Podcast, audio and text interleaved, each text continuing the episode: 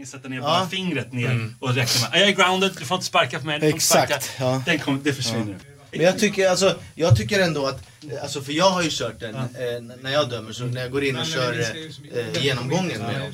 Då brukar jag säga det, don't play the rules. Alltså kör du fingerpointing, då kommer jag inte skydda dig. Men har du flat hand, alltså, då kommer jag skydda dig. Så jag tycker det hade räckt så, men nu blir det eh, liksom fyra punkter. Det här är Fighterpodden. Ladies and gentlemen, we are. I'm not surprised, motherfuckers. Touch gloves. Get ready for war. Ladies and gentlemen, the mauler, Alexander Gustafsson. Oh my God! Double leg. He just got double leg. I'm gonna show you how great I am. Ja, men då är det officiellt. Då kan man säga att sommaren alltså är över. Och här är vi igen. Fighterpodden avsnitt 4. Varmt välkomna. Jag heter Mårten Söderström och vid min sida som vanligt Hans Wiklund Just det, tack så du ha Mårten. som har varit på Gotland i sommar. Ja, just det. Vi har traditionellt har vi ett litet brottningsläger nere på Gotland och ehm, den här gången hade vi eh, Jycken som tränare faktiskt. Det var kul. Mm. Härligt. Eh, jag har fått som vanligt påminnelse från vår redaktion. Påminn om att man kan mejla till fighterpodden at fightermag.se. Skicka gärna en fråga. Och då har vi fått in en fråga faktiskt. Hej! Kan inte ni ta upp eh, i en av era poddar Kokushin? Stilen som en av världens hårdaste sporter. Jag är själv en utövare av stilen. Håller på sedan jag var tre år, nu är jag 18 år. Eh, för att den stilen har liksom blivit bortglömd inom karaten. Man pratar sällan om den. Hörde er podd om karate, ni pratade inte Kokushin. Det gjorde vi inte. Nej, det gjorde vi inte. Eh, och varför gjorde vi inte det? Det det var var- ingen som höll på med den stilen. Nej, det var det som var grejen. Men det kan vara till för framtiden. Tack Sara Lindgren att du hörde av dig. Vi ska ta med oss det. Det är faktiskt SM i Kokushin karate här om bara någon månad. Jag har kollat upp. Eh, fighterpodden at fightermag.se. Därmed. I dagens avsnitt ska vi prata om MMA. Det är mycket spännande på gång inom svensk fighting och även internationellt. Som vanligt först och främst, välkommen Simon Kölle, chefredaktör för den digitala versionen av Fighter Mag. Yes. Som ska berätta lite grann om det som är på gång Tackar, tack. Johan Haldin, ordförande i Svenska MMA-förbundet. Välkommen. Tackar, tackar. Och sen har vi ju eh, fint besök från Kevin Sataki. Tackar, tackar. Och som man har sett nu, eh, vilket är kul, internationellt inom UFC. For UFC Fight Night, our referee in charge, Kevin Sataki. Är du Sveriges enda domare inom UFC? Eh, utomlands ja, men eh, inte i Sverige när de är här. Nej, just det. Och vad är nästa gala för dig? Nästa gala blir på hemmaplan, eh, IRFA, 17 september. Det ska bli jättekul. Sen så skulle det ha varit på Superior, men eh, jag ska döma i Manchester. Vilken gala är det då? Det är ju med eh, Henderson eh, Bisping, huvudmatchen. Just det. Så 8 oktober. Men du får inte reda på vad om du ska döma huvudmatchen? Du får, eller får du reda på där? Vi får reda på det en timme innan, får vi ett kuvert med eh, fightcardet och våra namn bredvid eh, de fighterna vi ska döma. Men va- Varför är det så? Är det för att det ska vara liksom, utifrån mutperspektiv? Eller? Ja, det kan nog ha någonting med det att göra. Men jag tycker det är bra. Det, då kan man inte bli påverkad eller att det blir någon snackis efter liksom. Men det här har varit en dröm för dig det här. Det, Nej, Inte? nej det har det faktiskt inte. Det, det har vuxit fram. Eh, som sagt, jag har hållit på med kampsport i drygt 25 år nu. Började med karate och sen boxningen. Och sett en hel del dåliga domslut. Och det är ju lätt att sitta på läktaren och tycka att domaren gör fel och så vidare. Och eh, ja, sen var det en incident för några år sedan som gjorde att då var det liksom, fick jag nog och kände, hur blir man domare? Bara vände mig om och frågade första bästa i förbundet. Och eh, tog eh, arslet ur vagnen som man brukar säga och eh, tog reda på nästa kurs som var i Göteborg då som eh, jag åkte på, betalade för det själv, bekostade det hela och tänkte istället för att sitta där på läktaren och tycka att domarna gör fel, alltså ingenting emot den domaren som gjorde det felet, vi är alla mänskliga, det är en bedömningssport. Jo, jo, men vilken domare var det? Det kommer jag inte ihåg. Nej, okej. Jag har boxats för länge, nej. Men det, det, har, det har ingen betydelse. Det, alla gör fel och det är inga konstigheter. Men jag tycker personligen att vi har inte utrymme till att göra fel. Och den inställningen har jag och eh, kanske därför jag är där jag är. Att jag gör allting till perfektion och det finns inga utrymme för misstag. För vi pratar om människors liv och människors hälsa. Och då gäller det att man ja, är på tårna. Jag ser det lite som en fight. Alltså, ser du en plattfotad eh, fighter, då får han ofta stryk. Alltså, han hänger inte med i svängarna. Och det händer mycket i MMA. Det är markgame, stående, det är upp och ner, det är lätta vikter, de flyger från ena hörnet till det andra. Det gäller att vara med hela tiden. Och är du inte på tårna, hur ska jag kunna se de olika vinklarna? För det är vinklarna som är viktigt i MMA. Står du på fel ställe i en giljotin, då ser du inte när han blir strypt. Och blir han strypt för länge, då är det farligt. Återigen, då är vi tillbaka till säkerheten. Det är deras hälsa, det är deras säkerhet, därför jag är där. Det Så- finns ingen videogranskning eller någonting. Man kan inte börja kolla efteråt. Så här, hur, hur dömde jag rätt här? Eller något. Som man Nej. har i, i brottning till exempel. Nej, så det är där och då. Mm. Och det gäller att vara med hela tiden. Du nämnde här att eh, folk kan engagera sig på läktarna och vara besvikna på domslut och irritera sig. Sådär. Men det finns väl inget liksom, domarhat som det finns i ishockey eller fotboll där en hel publik kan stå och skandera att domaren är en idiot och sådär. Det händer inte i kampsport eller? Nej, det skulle jag nog säga att så är det inte. Man får oftast eh, ryggdunkar istället för slag i brösten. Men eh, däremot fighters, de kan vara väldigt otrevliga ibland. Men jag, jag tar det med en klackspark. För jag menar, när du har förlorat, om du kommer in och överskattat din motståndare och torskar, blir knockad för 10 sekunder så måste du hitta en syndabock. Ja. Och jag menar, fighter som har knockat dig, han har ju varit grym, så vem ska du skylla på? Så bara en kille till där. Ja, exakt. Då är det domaren liksom, att du bröt för tidigt. Liksom. Och ibland när de har blivit knockade så vet de ju inte ens om att de har blivit det. Exakt. Så då kan de ju börja, vad, vad, vad menar du? Det är matchen är inte slut. Ja men så var det ju när jag dömde på galan i Tele2 här. Att killen jag stoppade, han, han drog ju en double leg på mig. Och jag klappade ju frenetiskt liksom bara, det är över liksom. Men han fortsatte ju drev på och eh, ja, till Så du slut. ströp ut honom? Nej, det gjorde jag inte. Men eh, jag, jag höll i han ganska tight så han inte skulle börja slå. Så, men eh, ja, då, då vart jag ju sågad av Joe Rogan ganska kraftigt. Varför? För han tyckte jag gjorde en early stoppage.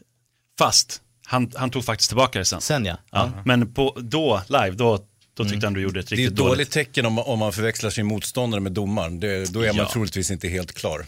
Så du gjorde givetvis rätt. ja.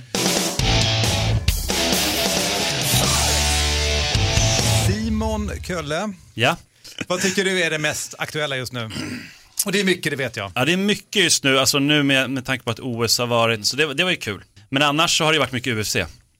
Just nu är det mycket MMA, eh, allmänt sådär, UFC har ju sålts och det är den största, största säljet inom sport någonsin. 4 miljarder dollar Det är otroligt. kostade det. För de köpte för 2,50 ursprungligen. Alltså Ja, hela nej, precis. Det var inte mycket alltså. Och inte miljarder, miljoner. Miljoner, mm, precis. Så att eh, det var en ganska schysst exit kan man ju säga. Ari Emanuel heter han som har blivit ny vd och nu så tar han över här och nu ska de göra liksom UFC till något lite annat än tidigare. Det kommer bli mer household names tror de av alla fighters och de ska liksom föra in det till det nya. Inte, inte, inte finrummet, men de ska ta det en nivå till, eller vad tänker Ja, det är så de har sagt i alla fall än så länge. Det har inte kommit ut jättemycket, men det är ju, Dana White kommer vara kvar i alla fall fem år till och kommer lyfta en enorm mysig lön. Och han har redan fått en liten hacka för han hade 10% i UFC. Så då, eh, han fick inte alla de pengarna rakt av, men han kommer få liksom av vinsten nu också. Så att det är ju den största snackisen skulle jag vilja påstå. Men när vi pratade om det i förra podden, då nämnde du också eh, Ali Act, det här med att man helt enkelt tvingas att, så att säga, möta en motståndare i samma viktklass, även om det är i en annan organisation. Så att en mästare i Bellator skulle kunna tvingas möta en mästare i till exempel UFC. Och du sa att det skulle kunna vara en del av att man liksom inte vill acceptera det, att därför vill man sälja. Tror du att det var så? Nej, jag vet inte. Kanske. Det är lite långsamt kanske, men det är ju det är ju det är saker i alla fall på gång och det är med, med fack, eh, ett fackförbund ska komma in och sådär. Och Ari Emanuel är inte alls främmande för det. Jag menar, det finns, det är facken, alltså, jobbar man med film i, i USA, då vet man att det är väldigt mycket, alltså facket det har en makt så inåt helvete i USA. Så att de är inte främmande för att det kommer in ett fack, liksom Nej. som backar upp eh, fighters där. Liksom. Så det, det får vi se lite vad det kommer hända. Medans Fertita-bröderna hade, hade, har liksom ett agg mot facket. Har haft en kamp mot framförallt det kulinariska facket. Eh, så det är det som gjorde att de blev portade från New York. Sa du det kulinariska facket? Kulinariska facket, ja precis. The Culinary Union. Ja, det är alltså, ja men mat, är det fritt översatt eller? Kök och vad är det, handel eller vad kan det vara? Vad heter det på Ja, men svenska? Culinary Union. Men, men eh, de höll ju effektivt ner lönerna liksom, och det, det kommer ju att ske stora förändringar då troligtvis och det kommer ju få konsekvens. Ja, precis. Och sen så, det är mycket som ska förhandlas. Det, det är ju, Fox hade ju UFC en deal med i sju år. Det kommer ju komma upp 2018. Så det blir en stor grej och då tror, ju, då tror man ju liksom att med den kraft Ett poddtips från Podplay. I podden Något Kaiko garanterar östgötarna Brutti och jag, Davva, dig en stor dos skratt. Där följer jag pladask för köttätandet igen. Man är lite som en jävla vampyr. Man har fått lite blodsmak och då måste man ha mer. Udda spaningar, fängslande anekdoter och en och annan arg rant. Jag måste ha mitt kaffe på morgonen för annars är jag ingen trevlig människa. Då är du ingen trevlig människa, punkt. Något Kaiko, hör du på Podplay. Därför är gardinerna. den som Emanuel har och hans eh, businesspartner, då tror de att den kommer ju säkert kanske tredubblas, kanske ännu mer, alltså det kommer bli enorm den dealen liksom. Med Fox då, det är 100 miljoner just nu om året som går in i UFC bara av Fox liksom. Så att eh, det kommer ju bli, eh, det kommer bli mycket pengar. Men UFC, man ska inte glömma det, UFC hade hade 500 miljoner drygt i skuld. Och Ari Emanuel hade också skuld i sitt eh, företag. Så, att, så det är lite så här, det är, vi får se vart det här kommer landa. Det är lite läskigt faktiskt. Det, Men förhoppningen är väl att det blir ja, mer vinstpengar och bättre för fighters också. Ja, det är väl det. Och sen dessutom med tanke på deras enorma kontakter inom tv över hela världen. Och liksom de har ju, de är ju störst i stort sett tillsammans med sin, de är ju två olika stora vet du, koncerner här som har gått ihop. Och då, eh, ja, så det är, många förutspår det att det kommer bli liksom enormt stort. Kevin, har du märkt av det här på något sätt när du har varit i kontakt med UFC i ditt arbete? Nej, ingenting. Nej. Ingen ny lön? Nej, jag tänker inte på det. Jag tänker på mitt dömande, det är prio ett. Ja. Jag tänker inte på cirkusen runt omkring faktiskt. För det är ju en cirkus. Ja, det är det. Det är en stor cirkus. Och det är kul att vara en del av det, det är det absolut. Men när jag åker på de här, då, då är det fokus i dömandet. Liksom. VM i MMA har vi haft också andra gången, vilket var väldigt stort. Det var en stor succé för Sverige, måste man ändå säga. Framförallt på damsidan. Vi hade Gabriella Ringblom, Cornelia Holm och Irman som eh, inte är kvinna för sig, som vann guld och sen så hade vi Rostem Akman också som tog eh, brons där. Så att det var ju, ja, jag menar Sverige är bäst på MMA skrev, eh, tror jag, Kampsportsförbundet och det kan jag nog hålla med om faktiskt. Helt fantastiskt, Det är lilla. Sverige. Men- Men Johan, det här är ju amatör-MMA, som det är den typen av form. De här personerna, tror du många av dem kommer gå över till professionell MMA, eller tänker de likadant? Mm, ja, jag tror att vi kommer se fler som, som eh, faller över i, till proffs, proffssidan från Sverige. Här har vi ett enormt försprång. Vi är ju det enda landet i världen som har en sån här liga. Det är inga andra som har det. Man försöker lite grann i Brasilien, men det, det är inte i närheten av det vi har. Den är jätteväl organiserad och fantastisk, eh, fantastisk eh, organisation. Så att, nej, jag tror att det kommer öka och, och förhoppningsvis kan även förbundet hjälpa till här. Eh, vi har lite idéer om, om det som är, jag vet inte riktigt om jag vågar avslöja ännu. Vi kommer tillbaka till dig sen, vi ska ju prata förbundet sen. Nej, jag tänkte bara vad den stora skillnaden är mellan proffsfighters och amatörsfighters. Ja, är alltså, är, är, de, är de mycket sämre amatörer eller? Det skulle inte jag påstå att de är per automatik, utan det är snarare det är väldigt mycket på individnivå. Det, det kan snarare vara att man har ett vanligt jobb, ett, ett, ett vanligt jobb med ett, ett, eh, 9-5 jobb, ett kontorsjobb eller eh, kör halvtid. Det, det är ens, ens livssituation som avgör väldigt mycket. Så att det finns absolut de som skulle kunna vara eh, proffs idag. Men sen är det ju så mycket annat som spelar in, tyvärr, eh, om vi pratar om UFC och Bellator eh, signing, som att hur man ser ut och så. Eh, hur man ser ut framför kameran. Det är bara att kolla på uttagningarna till Ultimate Fighter, den här eh, UFC-såpan. De lägger jättemycket tid på hur man är framför kameran, hur man ser ut och så i uttagningarna. Det är ibland viktigare än, än eh, hur man grapplar och, och hur det ser ut när man slår plattor. Showbusiness-aspekten av det. Absolut. Eh, och det är ju så. Det är ju, det är ju liksom, MMA är en idrott men det är ju också underhållning. Men jag tänker det är ju många UFC-fighters som också faktiskt jobbar lite grann vid sidan om. Alltså, flera av svenskarna har ju normala jobb, liksom, eller normala, men de jobbar som tränare och lite sånt där. Liksom. Så de är väl några halvamatörer då på det viset. Det, ja, det kan man väl säga. Man är väl egentligen bara proffs när man jobbar med någonting fullt ut. Ja, man försörjer sig. Ja. Det, det här är ju en jättebra språngbräda ju för utövarna. Jag menar, det är ju enklare att komma in i proffslivet om du har haft en amatörkarriär. Det är bara att titta på hur boxningen fungerar och det är ett jättebra tänk. Tar du medalj på EM och VM så får du ju lättare ett proffskontrakt. Så tänket tycker jag är jättebra. Ofta så har de ju hunnit gå 20-30 matcher innan de ens blir proffs och det är ju helt fantastiskt.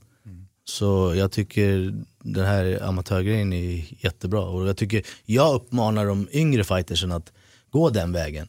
För det är många som kommer och säger att jag vill bli proffs, jag vill tjäna de här pengarna. Men vänta nu, Ja, du kanske får chansen att gå i UFC. Du går någon match, förlorar, blir utkickad. Vad händer sen då? Du kanske inte kommer tillbaka. Men har du en bra eh, amatörkarriär och eh, ja, går med i landslaget, är med på EM, tar medalj där, går med i VM, tar medalj där. Då kommer de vilja liksom headhunta dig. Det är väl bättre så. Ja, exakt, man måste träna på att tävla. Alltså det, det, det är ju en träningsform i sig. Att, att, eh, du kan vara bäst på mattan eller alltså i dojon i, i träningslokalen. Men se till att få in så mycket tävlingar som möjligt så du tränar på att tävla. Hur känns det innan? Hur känns det under? Hur känns det efter? Ehm, det är en enorm, enorm skillnad på att se folk som har hoppat direkt till proffsligor eller liksom högre och inte har 15-20 matcher bakom sig. Man ser på dem. Eh, jo men om jag bara flikar in, det är också lite så här, eh, brottare i USA går ju så otroligt många matcher, det kan ju vara match varje vecka och sådär, ibland flera stycken.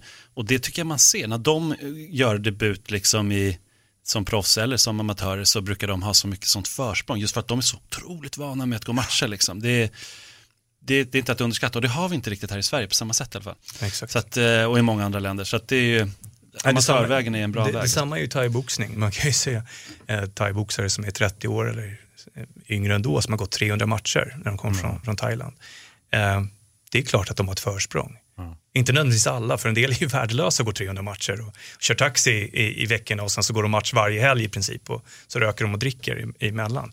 Men, men eliten där är ju, det är ju en helt, helt annan eh, eh, helt annan nivå. Och, och dit ska vi ju komma. Så att det ska bli mer, fler som tävlar hoppas jag. Och jag tror också att jag vågar säga att vi som förbund ska stödja proffs mer. Att man ska kunna snabbare komma in i proffsligan, även genom förbundstävlingar eventuellt. Men det är ju också lite en success story tycker jag. Hela det här med amatör, för jag menar, det var ju verkligen inte, det var, hamnade lite så här på dekis. Det var inte riktigt så bra i Sverige. Det var, shootfightingen var jättebra. Men amatör, det fanns liksom inte så många som ville gå amatörmatcher. Det fanns inte direkt någon anledning att gå amatör. Man kunde gå ett antal shootfight-matcher och så här. Och hela grejen är ju att det ska vara en steg, eller en trappa liksom. Så här, säkerhetstrappan som George och, och grabbarna kom på en gång i tiden, August och Micke. Men det är ju liksom, eh, och den säkerhetstrappan är ju det här. Shootfighting, amatör och sen så. Men nu, vad händer med shootfighting då? Kommer det finnas kvar? Shootfighting ska finnas kvar. Um, just nu så diskuterar vi om, om namnet ska finnas kvar därför att uh, det är, man tränar MMA, man vill tävla i MMA och sen så ska man berätta för sina kompisar att man tävlar i shootfighting. Vi har fyra regelverk idag inom förbundet. Varför ska ett av dem heta shootfighting? Så att reglerna kan finnas kvar. Vi kan ha även fler regelverk. Vi kan ha eh, super light contact. Det spelar egentligen ingen roll, men jag tror att vi ska, alla systemen ska heta MMA.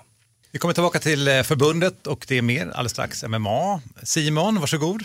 Ja, alltså jag gillar ju regler så att det här kan bli regelpodden då den här gången känner jag. Eh, för det är mycket regelförändringar som har skett nu under den här sommaren. Eh, de kommer inte träda kraft förrän 2017. Men det är ändå väldigt så pass stora förändringar i eh, MMA-reglerna, Unified Rules. Det som började med UFC 200 var ju det här med att man ska väga in då 8% ifrån sin eh, matchvikt Ja. under första dagen i Fight Week, alltså på måndagen om man går match på lördagen exempelvis. För att eliminera dessa enorma viktminskningar och sånt där, bantning helt enkelt. Ja, och kritikerna till det har ju sagt att men då kommer jag ju bara göra liksom två bantningar istället. Men eh, har redan nu visat, visat sig vara väldigt bra. De ser betydligt bättre ut nu. Fighterserna när en, en så är så här otroligt utmärglade ut som vi har sett alldeles för många. Och, Ja, du gillar inte spinkiga killar, Simon. Inget problem med det, men, men däremot, men du vet, med tanke på, liksom, man behöver inte vara någon, eh, liksom, det är ingen rocket science att fatta att vatten i kroppen och det är just ta emot slag och sådana saker, vatten i hjärnan, alltså det är lite så här, det är rätt allvarliga grejer och, det, och, och med tanke på också att det har varit dödsfall i eh, One FC ganska nyligen, då var det så här, nej men nu måste det bli någon skillnad. Så det, är- det är en stor grej som redan har blivit implementerad liksom. Det känns som en onödig risk i en an- redan riskfylld hantering. Liksom. Så, Mer eh, än Ja. eh, vikt. Ja, mer än det så har vi att språkbruket förändras. Låter ju så här jätte, aha, vad, vad spelar det för roll? Men det har ju varit, i Sverige har vi varit före där, så där måste jag ge en, en eh, liten god känga då. Eh, att, eh, för vi har ju aldrig kallat det skada här i Sverige, att man ska ge så mycket skada som möjligt. I, på engelska har det varit damage, det har handlat om att göra så mycket damage som möjligt på sin motståndare. Nu ändras det, nu tar det, tas det bort, det blir impact istället, det handlar inte om skada, blod, liksom, så, det, inte den, det, det skiftar liksom lite fokus bort från det. Så det tycker jag är väldigt positivt. Och sen så, eh, ja men det, det är allmänt också, det, det, det som är det allra största, jag kan ju dra alla regler med det, det blir en hel podd om det. Men det är just det att poängreglerna förändras lite grann. Det förtydligas ganska mycket. För det är ju senast nu här Conor McGregor gick mot Nate Diaz och massa folk liksom, nej men Nate vann nog det. Och då, är det lite, då blir jag lite sådär mörkrädd nästan. När fighters som är med i UFC själva tror att, tycker att Nate vann den matchen. Det betyder att då kan inte de reglerna. För det var ganska tydligt att Conor vann den matchen. Och tyvärr har vi sett det väldigt mycket. Att fighters själva på den högsta nivå inte ens kan reglerna. För de är lite knepiga. Det är lite svårt att förstå dem och allting står inte om man bara gör en googling utan man behöver läsa en bok liksom för att förstå Håller du reglerna. med om det här Kevin? Är det så? Att man behöver läsa en bok för att förstå? Poängreglerna, hur man, ja. Ja, alltså, jag tycker inte det, men eh, kanske utåt. Fightersarna, visst, jag, jag tycker de borde vara bättre pålästa. De, de tittar väl inte på, de tycker att eh, Connors, om man nu tänker den matchen, att Mm. han sprang. Men så var det ju inte, liksom. han tog ju tid för att regroup och sen liksom attack igen och kontra. Så, ja, det, de, de behöver bli mer pålästa om man säger så. Väldigt få av dem sa ju någonting om att Alexander Gustafsson ofta har den taktiken också, att han liksom, så att, inom situationstecken springer därifrån. Det är taktik, det är liksom, det är en fight där. Det är skillnad på att springa därifrån om du springer i cirklar än att ta två, tre steg ut för att sen agera igen. Mm. Så det är stor skillnad. Ja, men det är ju helt, det är helt orimligt. Och man måste förstå att om man har en favoritdistans som Alexander har många gånger, eller Connor har, eller eh, Krokop, eh, det är klart man drar sig bakifrån. och sen om man vänder ryggen mot personen för att ta några steg iväg. Det här är ju bara, det här är ju, antingen så har man egna, man pratar utifrån egna preferenser. Jag gillar att stå stilla och, och trada. Jag gillar att blockera med huvudet. Eh, eller så man, förstår man inte helt enkelt eh, eh, taktik, som ni var inne på. Ja, nej, jag tänkte bara om, om Kevin, om du har varit poängdomare också eller om du bara är oktagondomare? Så, att säga. Eh, så har du jag sett var- den aspekten också? Jo, jag dömde första galan i Sverige var poäng. Sen därefter så har jag dömt eh, alltså i buren. Men jag dömer även poängdomar också ibland. Mm. Du sitter ju på ligatävlingar. Exakt. Ja, det är kul. Ja, men sen så ändras det också när det gäller lite sådär, position har ju varit, det, det kommer ju någonstans från grapplingen och det har varit så här, nej, varför har vi haft det så mycket i MMA, det här med att positionen, att passera och så, att det, man fått ligga liksom i halvgard utan att göra någonting och där har de fått ligga och ligga, för det är ju en dominant position. Ja, vi vet det, alla som har grapplat någon gång vet att det är så, det är jättekul att passera, men om det inte händer någonting, då måste de kunna ställa upp dem. Så att eh, det är en stor förändring som kommer, kommer komma. Det spelar ingen roll, du kan, vara, du kan ha mountat någon och s- s- li- som ändå blir uppställd. Det är så kommer det bli nästa år. Så det, det blir ju häftigt. Om man inte gör någonting så, så ska de döma upp det liksom. Ja. Så, att, så det, det kommer bli en stor förändring tror jag. Eh, och sen kommer det bli mycket lättare med 10-8 ronder. Så att eh, så det är dominans, det är, eh, förut var det octagon control då, nu är det mer dominans, så det blir också en, eller dominance då. Och det blir ju en, eh, det handlar lite annorlunda om att bara styra vart den andra går, liksom, eller så här, trycka upp någon mot buren och, räkna med att det är dominans. Utan det, så det, det har blivit bättre, äntligen skulle jag vilja påstå. Så Ja, det blivit finns ju den här gamla skräck, eh, skräckfilmen, tänkte jag säga, men den här mardrömsmatchen med Tim Sylvia när han håller Brandon Vera i fem ronder, eller jag kommer inte ihåg, det kändes som fem ronder i alla fall. Det händer absolut ingenting i den matchen och han vann mot att han tryckte upp honom på nät, mot nätet. Det, det är ju inte rimligt, då, då, det är ju inte, en, då är det inte längre än en kampsport, då är det någonting annat. Ehm, så det är jätteskönt. Mm. Nej, men så det är lite sånt då, det är lite, och sen är det lite annat, det kommer, damerna kommer få enhetliga kläds, kläder och det har ju då vissa damfighters gått ut och blivit väldigt förbannade över. Varför ska snubbar bestämma det i en kommission, vad vi ska på oss för kläder? Tills det visade sig att de har ju haft en konsult hela tiden inblandad, alltså eh, hon som är, har Invicta, FC, världens största damorganisation, att det är egentligen hon som har kommit med de här reglerna, då tystnade debatten helt. Och vad är, vad är det för sorts kläder? Det är inte burkini eller något sånt där? Det är inte burkini, det är inget sånt. Nu ska vi tänka här. De ska ha sport-bh eller rashguard. Och, eh, de får, och de får inte ha några kläder under knäna, alltså några byxor under knäna. Så det är samma som för herrar. Ja. Men eh, däremot, förut kunde de ha t-shirts på sig, Mm. kunde ha alla möjliga dåliga bh. Alltså, nippelslip har ju bara varit en tidsfråga i UFC. Eh, så det, det, liksom, Ronda har ju varit, hon var ju rädd i en match För att hon var, hon var, jag var mer rädd för att liksom tutten skulle titta ut än att jag skulle förlora spö, matchen. ja. Och det är liksom det är bra. titelmatch i UFC, då blir det lite så här, ja, det är inte helt bra.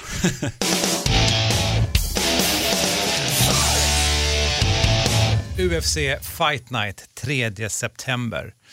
Där både Alexander Gustafsson och Ilia Latifi ska gå dit. Alltså, jag Och är- Jack Hermansson får vi inte glömma. Exakt, precis. Och Jack Hermansson. Alltså, ehm, vad ska vi börja? Alltså, kan vi inte börja med Jack, för det är tid, tidigt på kortet. Kör. Ja, nej, men Jack Hermansson, inte alls känd egentligen i Sverige. Tränar i Norge, bor i Norge, uppväxt i Uddevalla, eh, brottades lite grann tidigt. Eh, tittade på MMA på tv, tyckte det var kul som alla andra.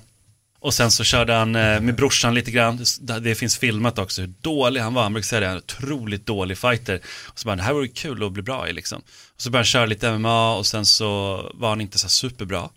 Men flyttade till Norge och började bli bättre och bättre och bättre. Hamnade i Bellator rätt tidigt faktiskt. Fick stryk i Bellator eh, för att de brottade ner honom bara.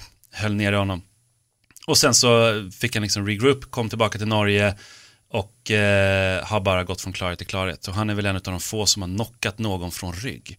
Men tänk att ta rygg på någon liggande och sen knocka sin motståndare. Det är, det är inte så många som gör det. Och inte ett slag i bakhuvudet. Nej, men alltså, är det, här, är det hans första match i UFC? Det blir debut nu. Debut nu, ja. ja.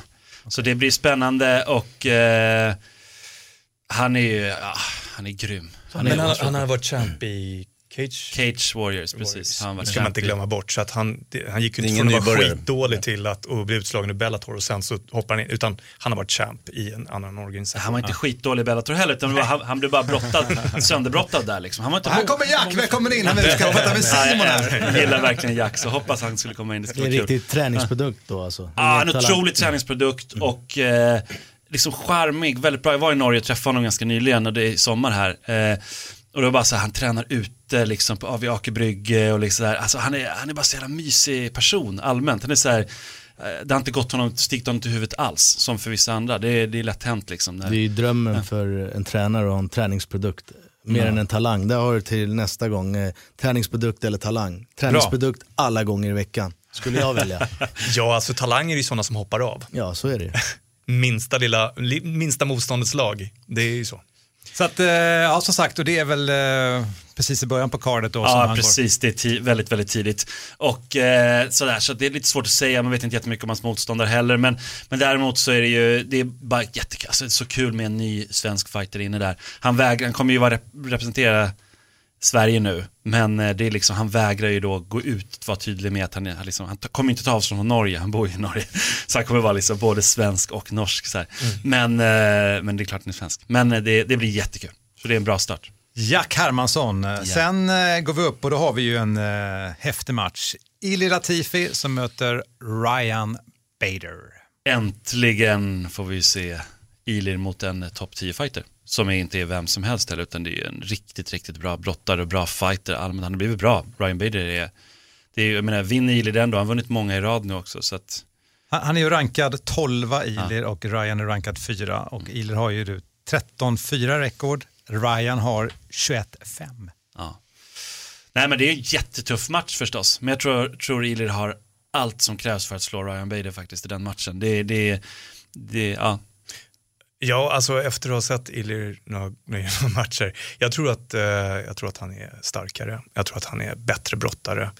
Eh, jag tycker också att hans striking har, ser helt galet mycket bättre ut nu än vad han gjort tidigare, eller han förbättrats enormt mycket. Jag tror att det kommer bli tufft för Bader. Det är vad jag tror. Vad tror du Hansa? Ja, jag, jag, jag hoppas bara.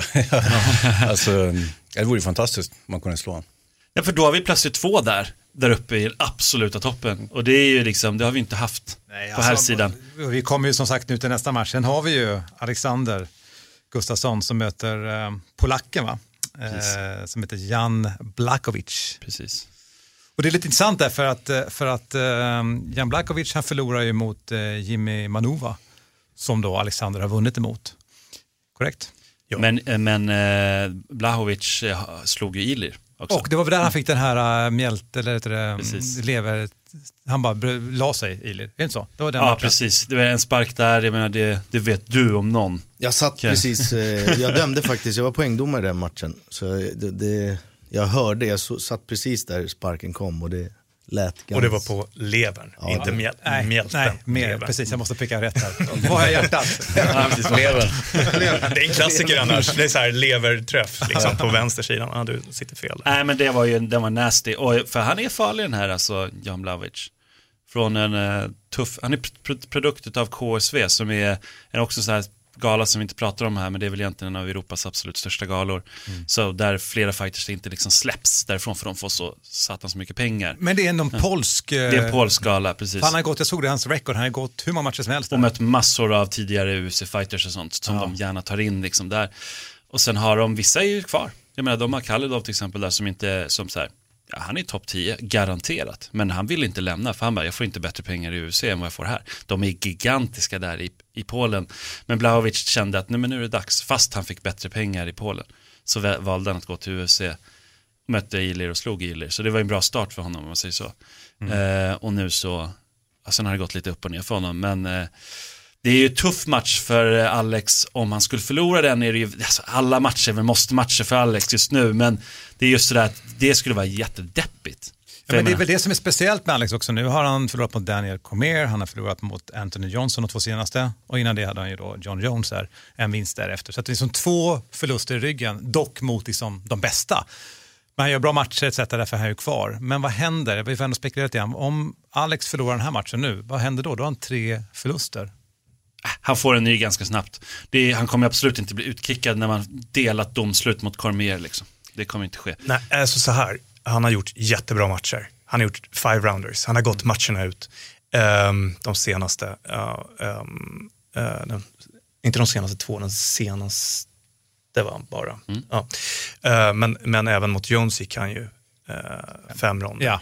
Och det gör ju att man kan inte, ja han har förlorat dem på poäng, men man kan inte se det riktigt som att han är en förlorare på samma sätt som Ehm, så att jag, jag tror att han, alltså, då, han är, har en otrolig fanbase, han är jättepopulär och eh, jag är övertygad om att inte UFC kommer putta bort honom på något sätt.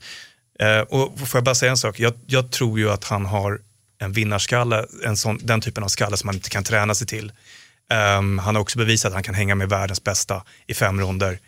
Eh, killar som avslutar folk i första, eh, har det som, eller andra eller tredje, har det som liksom deras go-to moves. De avslutar folk som John Jones till exempel. Ehm, han är, vi ska inte räkna ut honom. Räkna inte ut Ali. Det, det, det-. Får jag bara flika in en grej där? Att han är eh, också, du sa att eh, han har gått två stycken till domslut, det har han inte gjort. Alltså Anthony Johnson mötte han och förlorade just det, där i första ronden. Mm. Men det är ju också Anthony Johnson, det så han vann ju nu sist här också i första Mm, ronden mot Glover, Mm. som inte har blivit knockad. Alltså det är så här, det är otroligt, alltså det är en, det gör ingenting att få stryka av Anthony Johnson. Förlåt Kevin. Vad, vad tänker du Kevin? Vad, vad, du kan inte döma det här, va? du kan inte vara så att du kan hamna här och döma. Är det så? Nej. Nej. Så du menar just Alex match? Ja, eller? de här, ja. Nej, det skulle de inte låta mig göra tror jag. Det tror jag inte. Eller hur? Men jag skulle kunna döma den, absolut. Ja, det förstår jag. Men att det... Jag skulle inte vilja göra det heller. Nej, det måste Nej, det förstår jag. Va- Och vad tror du? Alltså, vad är dina bett? Nej, jag... inga kommentarer. Är det så? Du vågar inte uttala det nu? Nej, men det, det hör inte till här. Vad jag tycker, jag är domare och jag är där för att döma. Så... Men känner du till, alltså, har du koll på eh, Jan Blakovic? Ja, ja, absolut. Det är så? Hur bedömer du honom som fighter då? Kolla nu, jag kommer prata runt här. Jag, jag, jag märker vad det vill komma. Jag, jag, märker vad det är på väg, men jag säger återigen, may the best man win. Ja. Hansa, vad tänker du? Eh, de har ju tränat ihop rätt mycket sådär vad jag förstår. Så att det, det är ju lite speciellt liksom. Så det blir ju ingen hatmatch att tala om. Nej. men som sagt, äh, måste ju vinna. Det är bara Han måste vinna. Men Alex, har han varit i någon hatmatch? På riktigt, det har han väl knappt. Alltså det, han är ju inte någon, det går inte att hata på Alex. Nej, det är svårt. Han är så här, och det är så skönt att vi har en sån idrott. Ilir men också. alltså, ju Ilir, det är ingen som hatar på Ja, Ilir. ja. Det, är liksom, det, är, det är två riktigt bra förebilder. Alltså Ilir är en Men vad, fantastisk vad är det för fel att bli hatad? Alltså, Nej, att hata på någon. Alltså, du, du gillar det här gamet. Gillade Ja, du när men- Conor McGregor och Diaz nu på? Jo men jag tycker så här, du vet, det här är kampsport, det är inte schack. Det är många som pratar om att ja, det ska vara så mjäkigt och det ska vara så gulligt och de ska kramas. Och, klart, jag tycker det de gör innan match, kör 100%. Det är hur du är efter matchen. Det är där du visar vad du är för slags människa. Och det gjorde ju Gregor och Diaz. Ja, Det- exakt. Det var ju en kram där efteråt. Liksom. Ja men det är bara att kolla på vår egen resa, hur hatade inte han innan? Men hur är han efter då? Jag menar det, det är en kampsport vi håller på med. Det är, Ja, det är min personliga åsikt. Nej, men det, det, det, stämmer ju. Och sen så är det ju lite showbusiness också. Eller Ja. mer och mer troligtvis. Ehm, Ganska det, mycket, Det kommer va? inte att sluta här. Utan, Alltså vi hoppas ju att Alexander vinner och vad, alltså, det är svårt att betta såklart. Men jag tänker man kan ju ändå titta lite grann på förutsättningar och vi är överens om är ju att det är ett jättetufft motstånd. Så mycket är överens om. Han är svår att avsluta, det är mycket det också. Så att eh, man ska inte bli jätteförvånad om den går liksom hela vägen ut, den matchen faktiskt. Eh, och det är ju inte huvudmatchen på kortet heller, så det kommer inte vara fem ronder, utan det kommer vara tre ronder. Eh, så att, eftersom att vi har Arlovski mot Barnett där i, i huvudmatchen. Så att, eh, så jag vet inte, jag, det, inte, det skulle inte vara jätteförvånande om Alex tar det på poäng faktiskt. Jag är nästan lite mer nyfiken, det är inte, men alltså jag tycker det är jävligt kul. Och Kollar man på Ryan Baders nedtagningsfrekvens, han är så här 57-58 procent. Mm. Han, hela, han, hela hans tårtbit är ju nästan bara nedtagningar och så möter han Ilir. Du ska Det är förbi- där som är intressant, att de kommer från samma bakgrund. Mm. Så det blir ju ett schackspel där, så det, det är kul. Jo men att försöka ta ner Ilir, då ska man förbi två, eller som en, eller fyra trästockar till. alltså, han är ju, det är, ett, det är ett djur, alltså Joe Rogan gick ut och sa det igår tror jag det var, så här, det, det är det värsta han har sett egentligen, alltså Ilir, Ilirs kropp. För det är begränsat hur mycket kanske vi kan faktiskt eh, bygga på oss, sådär. Han är, han, han, en är, han är benstruktur. 1,77 lång, alltså Ja. han ser ut som Mm. han är två meter. Det är otroligt. Ja. Och sen är jag ju också lyftkranen från Rosengård. Ja, det det är har de inte, fantastiskt. att inte det här kan heta, det har inte varit kul. Ilir, lyftkranen från Rosengård. eller så försöker man översätta det till engelska, det blir inte riktigt bra ändå. Det är sledgehammer, ja, whatever. Ja.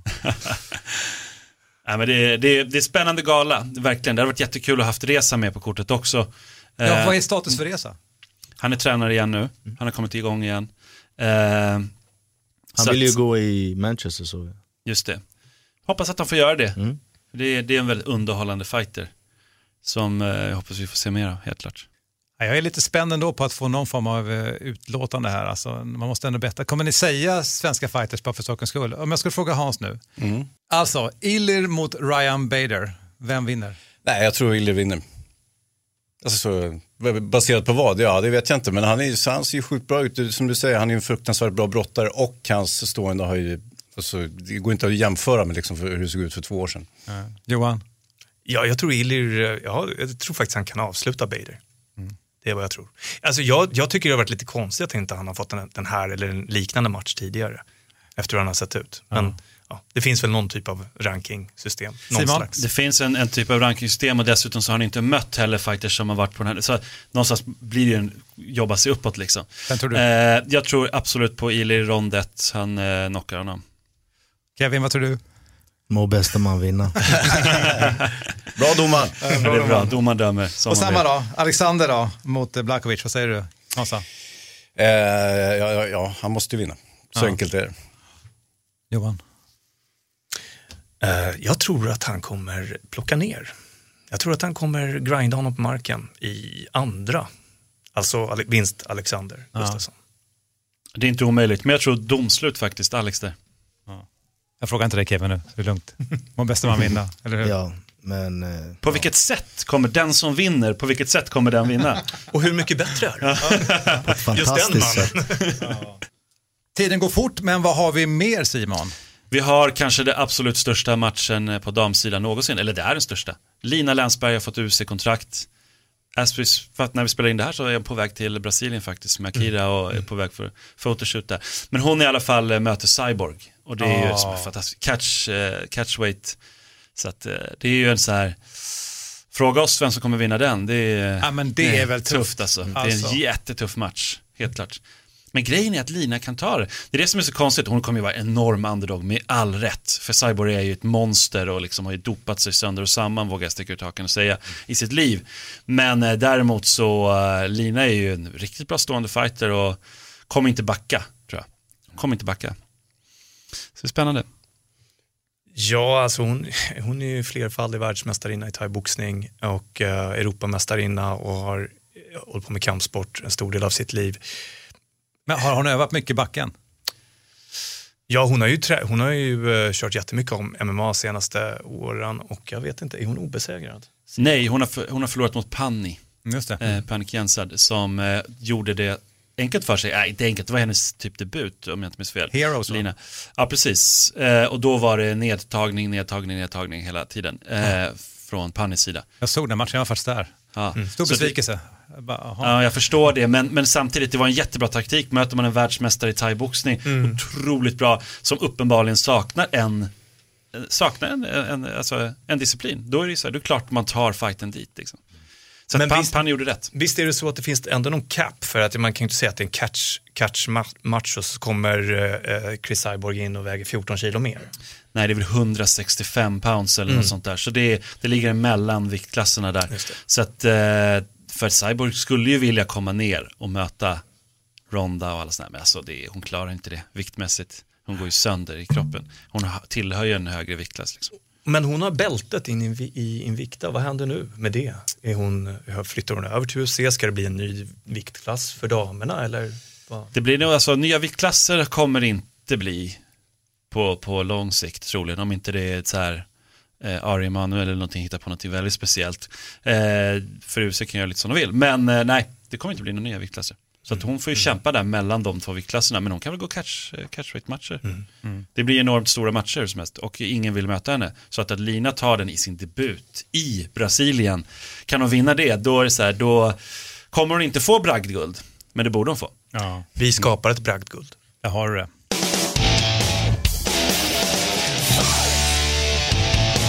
Nu tar vi oss till eh, det svenska MMA-förbundet. Johan, hur mår svensk MMA? Jag skulle säga att det mår jättebra. Eh, vi har mått bra länge och nu mår vi liksom ännu bättre. Men om man ska mäta det, alltså hur många, vet man hur många utövare av MMA som finns i Sverige? Ja, ja, vi har ju siffror på det, men sen finns det ju säkert... Alltså ja, inofficiellt ja, förstår jag, ja. men jag tänker officiella siffrorna. Det är 2540 betalande medlemmar på 91 klubbar. Eh, och fördelningen är väl ungefär en sjättedel eller en sjundedel är, är kvinnor, flickor och kvinnor. 15-20 procent någonstans där. Och om man jämför med andra kampsporter, hur, hur ligger det Eh, ja, vi tar medaljer, eh, men det gör vi ju överlag i, i svensk kampsport. Vi är ju överlag eh, överförjävligt bra, helt enkelt. Men hur, hur arbetar förbundet? Hur arbetar MMA-förbundet? Just nu så är den stora satsningen på att, att, eh, att stärka landslaget. Det har ju, mycket av våra resurser har gått dit. Och att förenkla uttagningar, eh, förbättra. De kommer resa tre gånger i år till, till det har varit VM där vi tog fyra medaljer som, som eh, vi har pratat om tidigare. Eh, tre guld, ett brons och nu, just nu, idag, så åker en, en, ett gäng, en delegation från Sverige för att smiska på lite i öppna afrikanska i Sydafrika. Och, eh, och sen så kommer det vara i Prag Prag, precis. i november. Japp. Och jag räknar kallt med medaljer. Det, eller så är det. Vi, vi, jag tror vi ligger tusen, ja, men vi ligger hur många poäng som helst före i, i, eh, i VM-rankingen. Ja, men hur, hur är konkurrensen då på eh, amatör-MMA så att säga? Om Sverige är väldigt välutvecklade, hur, hur är det med andra länder? Jo, men det, det finns ju alltid bra atleter, de kan poppa upp, men vi har ett sånt jäkla fint system. Eh, det här, just det här att vi har en liga i Sverige, eh, som jag nämnde tidigare, jätteväl organiserad liga. Så att man kan, det finns otroligt många tillfällen att tävla i. Och det tror jag gör en stor skillnad, faktiskt. Så att, eh, och vi har en del länder, som i Norge till exempel, är fortfarande, har de fortfarande problem att, att tävla inom landet. Så att de, de kan komma hit och tävla och, och detsamma gäller ju andra nordiska eh, länder kan komma och tävla i våra ligatävlingar. Då får de visserligen inte poäng, men Men att Sverige till exempel har en sån förebild som eh, Alexander nu, jag tar hans Mm. framgångarna. Jag tänker i alla idrotter, alltså när jag växte upp på liksom Stenmark så ska alla åka skidor. Alltså så kommer någon som är duktig på snowboard etc. Alltså, alla generationer finns det duktiga utövare. Hur mycket tror du, eller anser du att liksom Alexander och Illre med, med sin resa etc. Mm. Hur mycket har de påverkat eh, liksom, intresset för MMA? enormt mycket. Jag tror att det är helt, det går inte, vi kan inte liksom tacka dem nog att de har orkat göra det här och, och pallar med eh, att, att göra de här Folk har ingen aning om hur mycket, hur mycket de offrar, vilken typ av uppoffring man gör när man ska vara på den här nivån. Eh, familj, eh, andra intressen, allting läggs på is. Tre pass per dag, eh, året om. Eh, Det finns ingen riktig off-season. Man kanske gör någon liten, eh, liten semester då och då. Men de, alltså det, är- det är fantastiskt. Fantastiska insatser. De två absolut, men man skulle kunna gå längre tillbaka än just Alex och Illir. Pionjärerna liksom. Mm. David och Reza har ju gjort extremt mycket för svensk MMA. Ja, vi har ju en generation före dem också. Vi har Omar, Omar Buish. Omar Ja, Buish, ja. eh, inte att förglömma. Och, August Wallén ska inte glömmas, absolut. absolut. Mm. Och, och det finns många andra. Eh, så att, nej, vi var tidigt ute, vi har varit jäkligt duktiga tidigt på kampsport, eller vi har väl alltid hållit på med kampsport eh, egentligen. Även om det är liksom mellanmjölk och, och innebandy har försökt att ta över så har det funnits duktiga utövare. Och, eh, nej, jag- ja. Jag, jag, jag skulle, för att svara igen på din fråga, vi har aldrig mått bättre och jag tror att vi kommer kunna må ännu bättre. Um, MMA är liksom eh, essensen av, ett avkok av hur all annan kampsport mår kan man säga. Vi, vi lånar ju friskt både atleter och, och eh, tekniker och metoder från andra. Så har vi superbra BJ-utövare, ja, då, då, då kommer de, även de skola framtidens eh, MMA-utövare. Likadant med thaiboxning eller eh, boxning eller vad det nu är. Så att vi, vi lever i symbios, inte på tycker jag, utan vi lever tillsammans med, ja, men prata med Jycken idag, han, han skulle till eh, Prana, Brana, BJ-klubb i Stockholm för att träna. Och det, det är ju så det, det, är så det ser ut. Man, man åker som, som toppidrottare, som toppatlet så åker man runt på olika klubbar och plockar upp saker. Men Prana, där är ju du Hans. Ja, just det.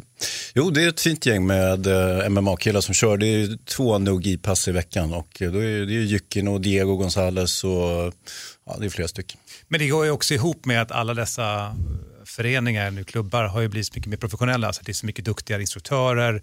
Inte minst exempel som Prana och många andra klubbar tar ju in liksom duktiga brassar eller andra personer som har eh, jätterekord och det gör ju också att nivån ökar ju. Det gäller lika gärna på striking, liksom Mm, mm, boxarna mm. etc. Så det är klart, i, i alla rörelser menar jag så har ju det här blivit bättre vilket gör att summan av kardemumman blir också att liksom MMA, när man slår ihop alla de här sakerna, Mm. blir bättre, kvaliteten blir bättre. Ja, men någonting som jag tycker är väldigt häftigt också det är att okej, jag stod här och tänkte på vad, vad för annan sport vi har i Sverige som har så få utövare ändå, för man måste ju se att det där är rätt få utövare egentligen, men ändå så otroligt många fans. Och då, då kommer jag tänka på skidskytte, det måste ju vara ungefär samma. Det är ju liksom eh, fantastiska mängder folk som älskar att titta på skidskytte på tv, men eh, det är inte så många som är utövare. Men i MMA, där har vi ju det som att, det var rätt länge sedan jag var med i en under, undersökning just med, tillsammans med Unibet, eh, där vi gjorde det, då var det 800 000 fans fanns det i Sverige då. Och det är ett par år sedan liksom. Av? MMA. I någon mån liksom. Sen kan man kanske tycka att det är kryddad siffra eller vad som helst. Men det är alltså i någon mån då som har koll och det är säkert uppe i miljonen nu liksom. Så att det är, det är många och det är den största gruppen, vilket jag tycker är kul som gillar sådana nördiga grejer, som är, vi pratar minst om, men som verkligen gillar kampsport och framförallt MMA, det är pensionärer. eh, det, vi pratar aldrig om pensionärer. Nej, men alltså, nej, inte bara det. Utan det, det är väldigt många pensionärer. Och det, förut var det ju wrestling de gillade. Det var väldigt stort bland pensionärer, både i USA och i Sverige, att gilla wrestling. Nu är det MMA.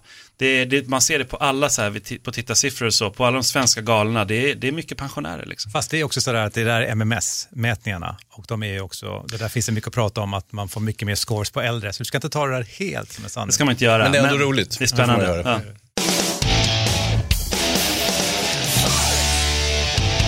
Vi ska ta och summera dagens fighterpodd. Vi har pratat om MMA. Vi kan konstatera, Johan, att svensk MMA mår bra. Mycket bra. Och att, eh, hur många klubbar hade vi sa du? 91. Ungefär 2500 registrerade Mm, utövare. Var mm, det så? Ja.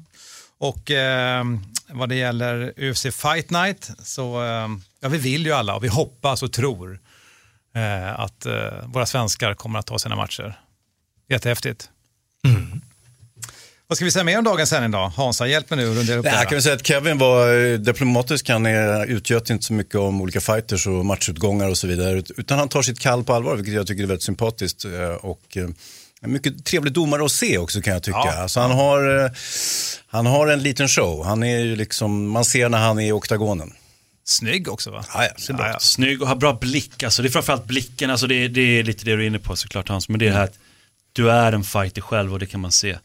Eh, sen ser det ju, alltså, vissa har ju gjort narr av dig och så här, till exempel jag. Så Det är jag som ligger Vi bakom har, alla de en, vi har en här. egen beef. Han är, vi, vi har kört pingismatcher och han har bara torskat varje gång. Så han försöker varje gång, en gång har jag Det räckte. Det är jag och Och Jonathan han på vägrar möta mig Hörrni, igen. vi tackar Kevin Sataki. Tackar. Vi säger hej då till Simon Kölle. Tja, tja. Kanske du välkommen nästa gång. Kanske. Johan Halldin, tack för idag. Tackar. Hansa Wiklund. Ja, men tack ska ni ha. Trevligt att se er allihop. Jag heter Mårten Söderström och påminner om, skicka in mail till fighterpodden at fightermag.se. Vi hörs snart igen. Uzz!